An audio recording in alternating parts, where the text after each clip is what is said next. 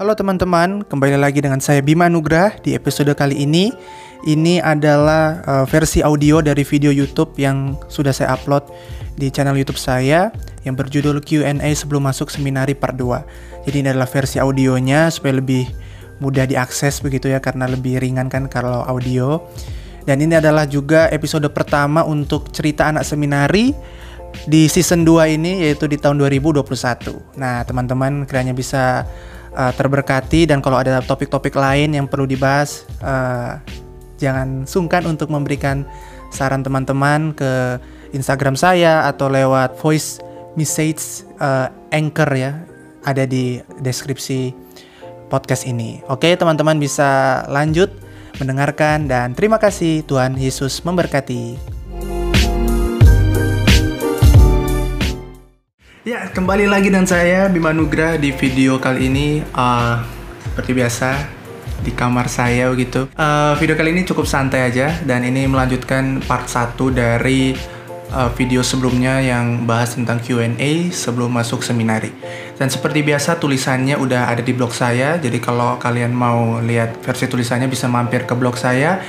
Dan ini hanya sekedar seperti apa ya supaya lebih jelas lah gitu supaya dijelaskan secara langsung. Dan sekali lagi uh, mungkin ini berbeda tiap orang ya tiap seminari beda uh, aturannya. Bis uh, saya dari STT saat. Jadi mungkin saya melihat perspektifnya sedikit berbeda tapi uh, saya harap itu bisa membantu teman-teman yang sedang bergumul dalam panggilan. Oke, kita masuk ke pertanyaan pertama langsung saja. Itu yang pertama adalah sekolah teologi atau seminari pasti jadi pendeta ya? Uh, jawabannya bisa ya dan bisa tidak gitu. Alias ya tergantung orangnya. Kalau teman-teman memang uh, bergumul ingin menjadi hamba Tuhan penuh waktu yang melayani di gereja begitu ya tentu akan menjadi pendeta. Tapi teman-teman juga terbuka akan kemungkinan lain seperti jadi dosen, seperti jadi uh, pembicara mungkin uh, di suatu organisasi. Contohnya di Apologetika Indonesia ya seperti itu ya yang mungkin mengabdikan dirinya di sana begitu. Atau juga bisa jadi guru atau misionaris. Jadi bagi saya ya ini uh, sejauh ini saya ber, memiliki pemahaman gitu bahwa ya tidak harus jadi pendeta sih, tapi tentunya dalam uh, konteks pelayanan Tuhan yang bermacam-macam, tentunya tidak hanya pendeta begitu kan, tapi bisa seperti yang saya bilang tadi misionaris, jadi dosen, jadi pembicara, itu pun tergantung panggilan teman-teman, journey teman-teman bersama Tuhan di seminari dan sepanjang kehidupan teman-teman. Oke, jadi jawaban singkatnya kurang lebih seperti itu. Oke, kita lanjut ke pertanyaan yang kedua. Gimana sih tahu panggilan? Kita itu benar atau hanya sekedar emosi. Nah, ini uh, kurang lebih ada beberapa hal yang bisa saya bahas dan sudah saya bahas di blog saya yaitu ketika uh, tulisan yang kuliah S1 dulu atau langsung kuliah masuk sekolah teologi gitu ya. Nah, itu ada beberapa lah. Jadi teman-teman mungkin bisa cek di situ tapi jawabannya sekali lagi adalah pergumulan kita bersama Tuhan. Jadi kalau kita bergumul dan kita mendapatkan sesuatu, kita bisa peka gitu ya bahwa Tuhan memanggil kita untuk uh, masuk sekolah teologi dan seminari melayani Tuhan seumur hidup kita.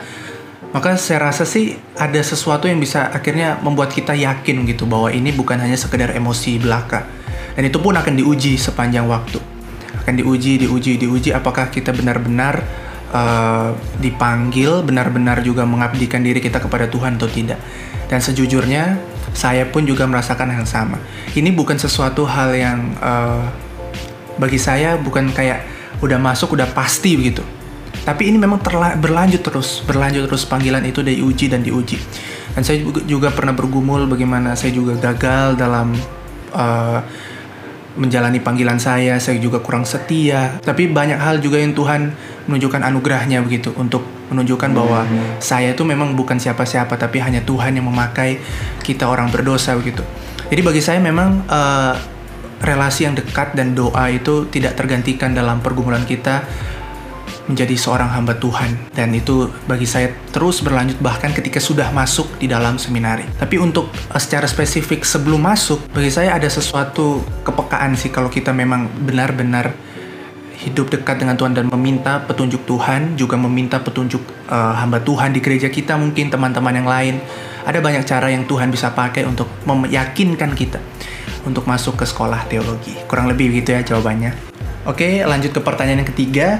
Di seminari boleh ngerokok atau enggak? Ya tentu ini uh, mungkin setiap sekali lagi setiap seminari dan sekolah teologi itu memiliki uh, aturan yang berbeda-beda. Bentar, ini ada notifikasi. Lagi berbeda ya, tapi kalau di STTSA tentunya sangat-sangat dilarang dan tidak boleh. Dan saya pun berpegang pada peraturan yang sama dengan STTSA bahwa sebenarnya hamba Tuhan tidak boleh merokok begitu ya bagi saya ya. Itu prinsip yang saya pegang gitu. Dan kalau saya ingin bertanya gitu ke teman-teman, namanya apa sih tujuan merokok gitu kan? Dan itu kurang baik bagi jadi contoh bagi jemaat. Menurut saya uh, tidak boleh dan khususnya di STTSA juga dilarang untuk merokok dan miras juga narkoba itu tidak bisa tidak diperbolehkan tidak bisa. Oke? Okay? yang terakhir ini adalah pertanyaan yang cukup sulit karena saya masih jomblo nggak bercanda. Oke okay, yang keempat sini ditulis boleh pacaran atau enggak. Nah kalau di STT saat tentu bisa pacaran asal ada ketentuannya dan ini cukup ketat ya. Jadi harus tingkat dua eh, persyaratannya tingkat dua Tentu dengan lawan jenis ya laki-laki dan perempuan, tidak boleh ada yang lain selain itu. Dan uh, ada dosen pembimbingnya, dosen yang membimbing relasi pacaran itu. Dan tidak dan tidak boleh berdua-duaan, ada waktu khusus yang diberikan kampus untuk kita bisa bertemu bersama begitu ya di dalam sebuah relasi pacaran. Jadi memang uh, harus menjaga juga etika dan norma begitu ya, tidak boleh uh, melanggar batasan-batasan itu karena hidup di dalam seminari bukan. Dan tapi kalau mau ditanya boleh atau tidak ya tentu boleh. Tapi sekali lagi mengikuti persyaratan yang ada di setiap kampus yang mungkin teman-teman akan uh, datangi begitu. Oke demikian uh, video singkat dan video super santai ya karena cuma duduk di kasur di mana kasurnya juga warna kuning ya spraynya. Tapi nggak apa-apa kita uh, bisa berbagi bersama ya di channel YouTube saya ini. Dan teman-teman mungkin ingin bertanya bisa langsung di kolom komentar atau mampir ke blog saya juga ke Instagram saya begitu ya. Dan kiranya Tuhan memberkati teman-teman dalam pelayanan juga dalam mungkin yang bergumul dengan panggilan jadi hamba Tuhan. Oke, terima kasih telah menonton. Sampai jumpa dan Tuhan Yesus memberkati. Dadah.